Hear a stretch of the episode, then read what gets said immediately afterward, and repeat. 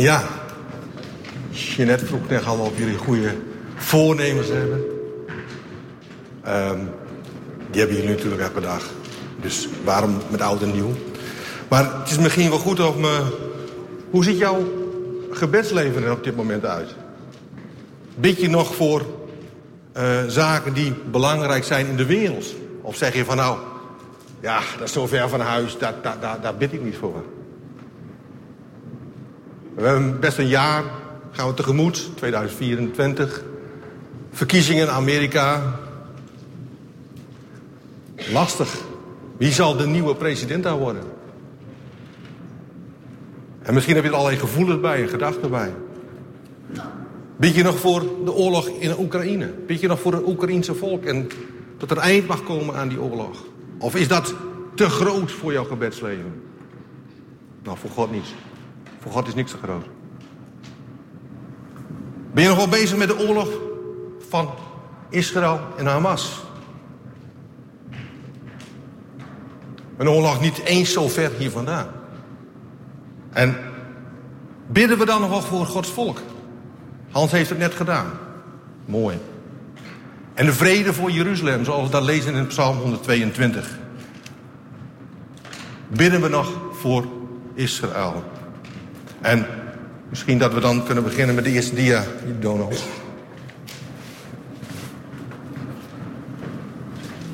Want bid om vrede voor Jeruzalem. Laat het goed gaan met hen die u liefhebben. Laat vrede binnen uw vestingwal zijn. Rust in uw burchten. Maar zou het mooi zijn als deze psalm, die vrede voor Jeruzalem weer werkelijkheid gaat worden. En waarom is het dan belangrijk voor ons hier in Nederland, voor ons in, als evangelische gemeente, voor jullie persoonlijk, om ons op het volk Israël te gaan richten? Nou, de Bijbel vertelt historisch en profetisch over het volk Israël. En ik ga proberen dit enigszins uit te werken met een aantal teksten.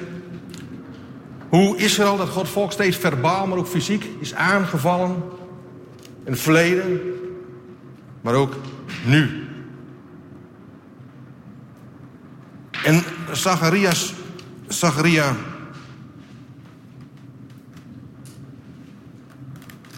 twee vers 8 staat een mooi uitgangspunt.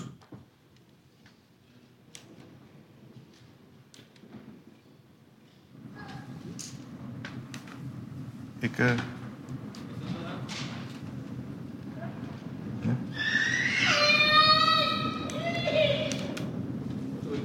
Oké. In Zacharias 2 vers 8 zei ik, staat een mooi uitgangspunt. Want zo zegt de Heere van de legermachten...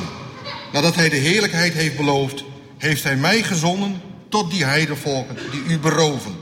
Want wie u aanraakt, raakt zijn oogappel aan. En dat is het volk Israël. Wat belangrijk is dat God ons een redder heeft gegeven, namelijk Jezus Christus. Die is geboren in Israël. We hebben met kerst hebben we dat toch centraal gezet.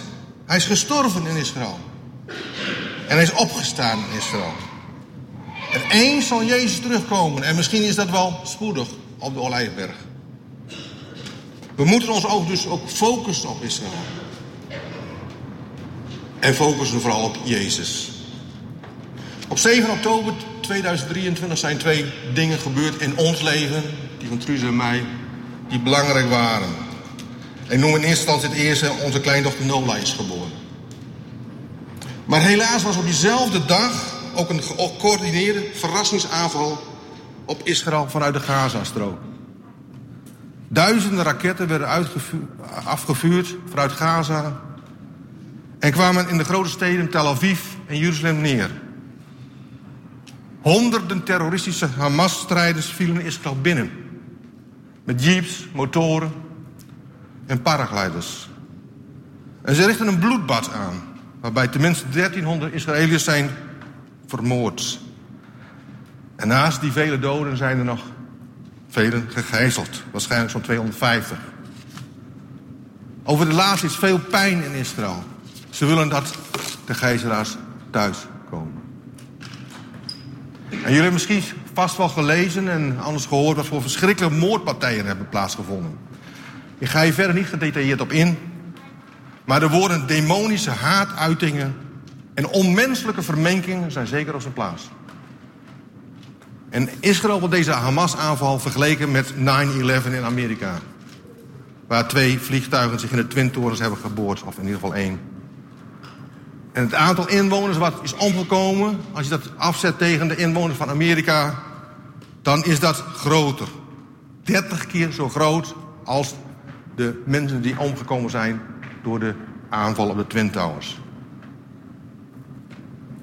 En we moeten ook echt vooral niet vergeten dat er heel veel Palestijnen zijn die niet eens zijn met deze uh, aanval. En wat er gebeurd is op 7 oktober. Die staan ook niet achter de kreet. Palestina will be free from the ocean to the sea. Er leven zo'n 50.000 christenen op de westelijke Jordaanoever en ongeveer 2000 in Gaza. En onder de Palestijnse bevolking in Gaza en op de westelijke Jordaanoever lijden vrouwen en kinderen onder onderstaande oorlog. De beelden zijn verschrikkelijk.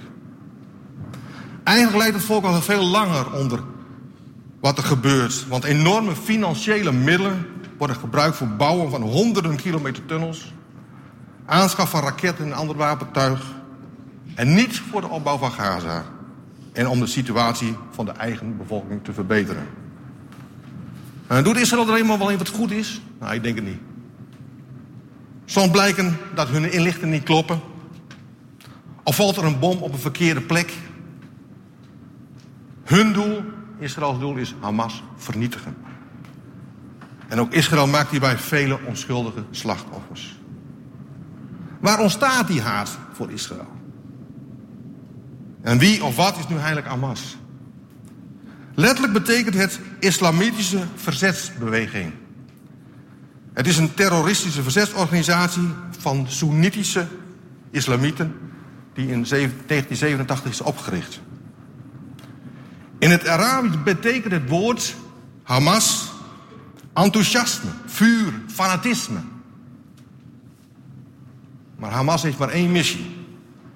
En dat is de Joden te doden en Israël van de kaart te vegen dat staat omschreven in een handvest. Kun je gewoon op Google lezen. In het voorwoord van het handvest staat dat Israël zal blijven. Dat staat Israël bestaat en zal blijven totdat de islam het zal vernietigen zoals het anderen heeft uitgewist. Hamas wil van Israël een islamitische staat maken. Ten koste van alles. Er is geen ruimte voor een andere publieke mening dan die van Hamas in Palestina. En ook in de publieke opinie maken ze duivels gebruik van leugens en bedrog. Raketten worden volgens de Hamas-beweging afgevuurd richting ziekenhuizen en scholen. Waarbij ze Israël proberen ja, af te dwingen en een kwaad daglicht te stellen. Want wie krijgt de negatieve publiciteit in de wereld? Israël dropt pamfletten uit wanneer ze ergens gaan aanvallen. En Palestijnen worden opgeroepen om naar het zuiden te vertrekken uit de Gazastad via die pamfletten. Hamas hield mensen tegen en wilde dat ze daar bleven. Mensenleven tellen niet bij Hamas. Het doel heiligt alle middelen. Want deze verzetsbeweging is een specifiek Palestijnse beweging die haar trouw aan Allah verschuldigd is. Haar levenswijze aan de islam ontleent en haar streeft het vaandel van Allah over iedere centimeter van Palestina te doen wapperen. Artikel 6 van hetzelfde handvest. Maar Hamas is ook een Hebreeuws woord. Dat als Hamas wordt geschreven. Dat geweld en valse getuigenis betekent. Geweld en valse getuigenis. Wat het nog bijzonder maakt, is dat het woord Hamas in de Bijbel heel vaak voorkomt. En altijd gaat het om geweld en vernietiging. Toeval? Ik denk niet. Waarom is Hamas zo gericht op de vernietiging van Israël en het Joodse volk? Eigenlijk lezen we over deze vijandigheid al in het boek Genesis. Voordat Isaac geboren werd, hadden Abraham en Sarah de puur menselijke gedachte dat ze geen kinderen meer zouden krijgen. Ondanks dat de Heer hen had beloofd. We lezen hierover in Genesis 16. Toen zij, en dat gaat over Hagar, zag dat ze zwanger geworden was, was haar meesteres, Sarah, in haar ogen verachtelijk. En Abraham zeide tegen Sarah in vers 6: Zie, jouw slavin is in jouw macht. Doe met haar wat goed is in je ogen. En toen vernederde Sarah haar, zodat ze bij haar wegvluchtte. Vers 12. En hij, Ismaël, zal een wilde ezel van een mens zijn. Zijn hand zal tegen allen zijn en de hand van allen tegen hem. En hij zal wonen tegenover zijn broeders. De afstammelingen van Ismaël, even kort door de bocht hoor, zijn de Arabieren. En de afstammelingen van Isaac zijn de Israëlieten. Ten diepste komt alles neer op een stukje jaloersheid wie uiteindelijk de beloftes hebben gekregen. Hier ligt het begin van de haat tegenover het Joodse volk. Het antisemitisme. Gods tegenstander is uit op de vernietiging van Gods werk. Dus ook zijn volk. De Heere verklaart ons echt de oorlog. Als wij weigeren om vrede met hem te sluiten. Laten we in dit verband van de strijd tussen Israël en Hamas ook eens teruggaan naar de eeuwenoude rivaliteit tussen Esau, later Edom, en zijn tweelingbroer Jacob, later Israël. Esau koesterde het altijd het gevoel dat Jacob hem op onrechtmatige wijze had ontnomen wat hem toebehoorde. Hij had, zoals jullie weten, het verkocht, zijn eerstgeboorterecht verkocht voor een linzenmoes. Het eerstgeboorterecht en de zegen die Isaac aan Jacob gaf. Volgende dia. Daar staat: Esau haatte Jacob. Om de zegen waarmee zijn vader hem gezegend had. En Esau zei in zijn hart: De dagen van rouw over mijn vader naderen. Dan zal ik mijn broer Jacob doden. Esau zorgde ervoor dat zijn kinderen vanaf jonge leeftijd werden geïndoctrineerd om, over, om Jacob te haten. En onder de nakomelingen van Esau, die trouwden met heidense volkeren, vrouwen, bevonden zich ook de Amalekieten. De meest gehate vijanden van Israël onder de afstammelingen van Esau. En deze diep gewortelde haat jegens Israël lijkt er op de dag van vandaag onverminderd voor te duren onder de nakomelingen. Zoals ik al zei, tot de nakomelingen van Esau uiteindelijk behoren de Amalekieten. En daar lezen we over in Deuteronomium 25, vers 17 en 18.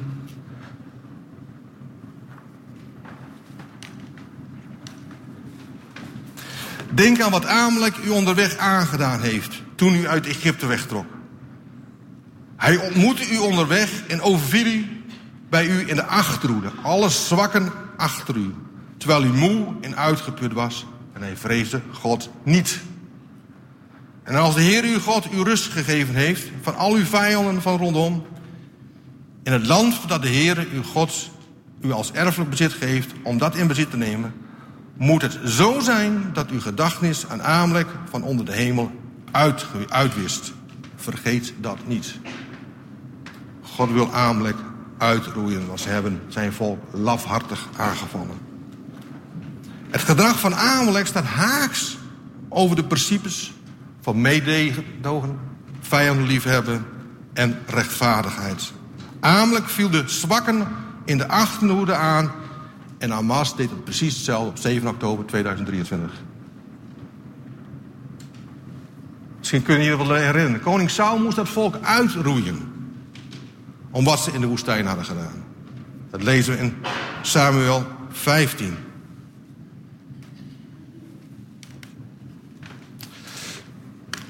Toen zeide Samuel tegen Saul: De Heere heeft mij gezonden om u tot koning te zalven over zijn volk, over Israël. Luister daarom nu naar de woorden, zo zegt de Heere van de legermachten.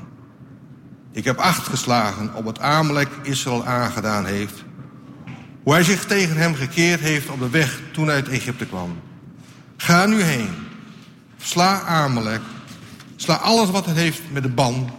Spaar niets, maar dood hen van man tot vrouw, van kind tot zuigeling, van rund tot schaap en van kameel tot ezel.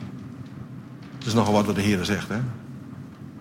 Eigenlijk denk je van, poeh, als ik nou zelf denk, wat, wat, wat, wat zegt de Heer? Daarmee geeft de Heer ook wel aan hoe hij dat volk ziet. En vers 7 staat: Saul versloeg de Amalekieten van Avila tot de richting van Sur, dat tegenover Egypte ligt. En Agag, de koning van de Amalekieten, greep hij levend. Maar al het volk sloeg hij met de ban, met de scherpte van het zwaard. Maar Saul en het volk spaarden Agag. De beste schapen en runderen wat bijna het beste was. De lammeren en alles wat goed was. Ze wilden het niet met de ban slaan. En deze ongehoorzaamheid van koning Saul kostte, wat in vers 9 staat, zijn koningschap. Hij was ongehoorzaam, terwijl de Heer hem een duidelijk opdracht heeft gegeven. En die naam van Agag, de koning van de Amalekieten, die door Saul is gedood, komen we ook tegen in het boek Esther. In dit verband kan ook de Agagiet Haman niet onbesproken blijven. Haman is de grote tegenstander van Gods volk in het Bijbelboek Esther. En deze hooggeplaatste man, de eerste minister van het Perzische koning Ahasveros, is vervuld met jodenhaat. Nog steeds. Mordechai wakkert die haat aan, omdat hij niet wil buigen voor Haman zoals was bevolen. In Esther 3 lezen we over de haat van Haman voor het Joodse volk. Alle dienaren van de koning die in de poort van de koning waren, knielden en bogen zich voor Haman neer. Want zo had de koning dat bevolen ten aanzien van hem. Mordechai echter knielde niet en boog zich niet neer. De dienaren van de koning die in de poort van de koning waren, zeiden tegen Mordechai: Waarom overtreedt hij dit gebod van de koning? Het gebeurde nu, toen zij dit van dag tot dag tegen hem zeiden, en hij niet naar hen luisterde, dat ze het aan Haman vertelden, om te zien of de woorden van Mordechai stand zouden houden. Want hij had hun verteld dat hij een Jood was. En toen Haman zag dat Mordechai niet knielde en zich niet voor hem neerboog, werd Haman met woede Hamas vervuld. Maar het was in zijn ogen verachtelijk om alleen aan Mordechai de hand te slaan. Want ze hadden hem verteld tot welk volk Mordechai behoorde. En Haman zocht een manier om alle Joden die in heel het koninkrijk van Haalsfeers waren, het volk van Mordechai, weg te vagen. De haat tegen het Joodse volk lezen we volop in de Bijbel. Esther en haar pleegvader Mordechai spelen dan een cruciale rol bij het dwarsbomen van deze boosaardige plannen van Haman om genocide te plegen op het Joodse volk. Haman is afkomstig van een familie die nu is verbonden met de Amalekieten, een oude vijand van het Joodse volk. Zijn wens om de Joden uit te roeien en zijn specifieke achtergrond als een nakomeling van Agag, de koning van Amalekieten, voegen wel een enorme diepte aan het Bijbelboek Esther, terwijl de naam van God in het hele boek niet wordt genoemd. Zijn volk staat op het spel. Haman wilde zijn volk uitroeien. Maar God redt en bewaart zijn volk. Haman wordt gespitst op de paal opgericht voor Mordechai. En Mordechai wordt onderkoning in het rijk. Hij overwint ook hier de vijand van zijn volk. Haat tegenover Gods volk, tegenover God, blijft ook nu bestaan. Antisemitisme, haat tegenover de Joden wordt gezaaid. Individuele mensen en groepen van mensen door de grote tegenstander Satan. En waarom doet Satan dat? Hij wil alles wat God heeft gedaan vernietigen. Lezen we zelfs in Openbaring 12, vers 4. En de draak stond voor de vrouw die op het punt stond te baren om haar kind te verslinden, zodra hij het gebaat zou hebben. De draak en de vrouw en het kind met hoofdleppen. De draak, de duivel, de vrouw, Gods volk. En het kind is Jezus. God heeft gekozen voor het volk van Israël. En dat zijn zoon uit het volk geboren zal worden. En dat de verlossing zal brengen aan de wereld. Aan ieder die dit gelooft op de hele wereld. Want zo lief heeft God de wereld gehad. dat hij zijn enige geboren zoon gegeven heeft. Opdat een ieder die in hem gelooft. niet verloren gaat. maar eeuwig leven heeft. Wanneer je dit weghaalt. dat zijn enige geboren zoon zijn leven heeft gegeven. Opdat iedereen, ook jullie, ook ik, niet verloren gaat. Dan vernietig je de kern van het evangelie. Wat zegt Hamas? Wat zeggen de islamieten? Wat staat helaas klaar en helder boven de goudkleurige grotskoepel? Dat beeld wat voor Jeruzalem elke keer opdoemt, die, die gouden koepel.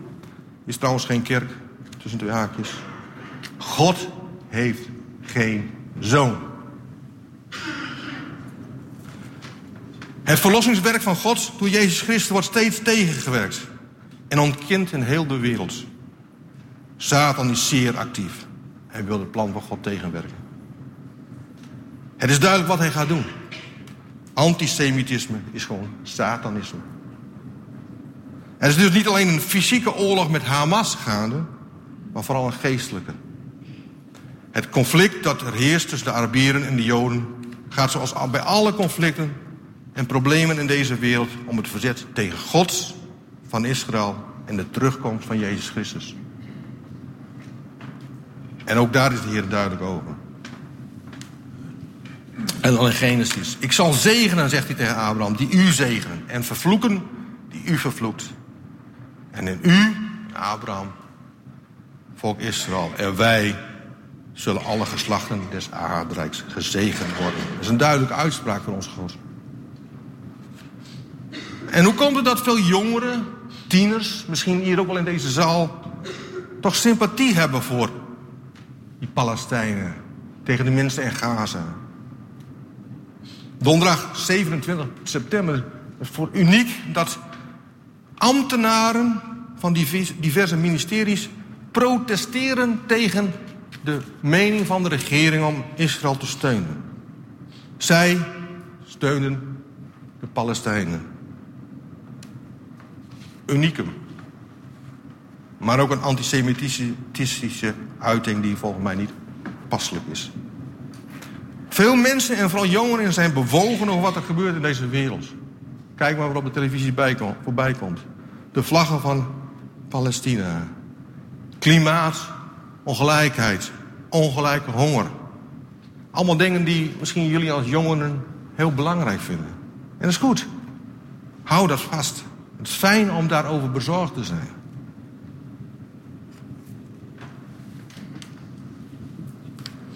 Vanuit de grootte, kijk maar. Als je ziet hoe groot de Gazastrook is in vergelijking met Israël. En dan de westelijke Jordaanoever. Ja, dan is, is het makkelijk te kiezen voor de underdog. En dat gebeurt gewoon. Mensen kiezen voor de underdog, maar weten niet wat er eigenlijk speelt. En het is goed om dat te weten, dat je beseft dat er een strijd gaande is, niet tussen Israël en Hamas, maar een strijd, een geestelijke strijd. Als je deze kaart ziet, vind je Israël er nog terug? Want de uitdaging voor jullie om te kijken voor de werkelijkheid is. Bedenk bijvoorbeeld dat 22 Arabische landen in het Midden-Oosten zijn. 22 Arabische landen. De een meer islamitisch dan de andere. Er zijn verschillen in. Dus wat dat betreft wil ik ze niet gelijk trekken. Maar wel 22 Arabische landen om Israël heen. In één klein landje Israël. Kun je nog vinden? Ik praat ik niet mee niet goed wat Israël allemaal doet. Belangrijk is dat we onze Bijbel kennen en ons op Jezus richten. Is ook verlangen voor mij, voor het Joodse volk. We bidden voor de vrede van Jeruzalem. En als het muziekteam alvast naar voren wil komen. Want de enige redding en vrede voor het volk van God en ook voor ons ligt in onze redder en overwinnaar Jezus Christus.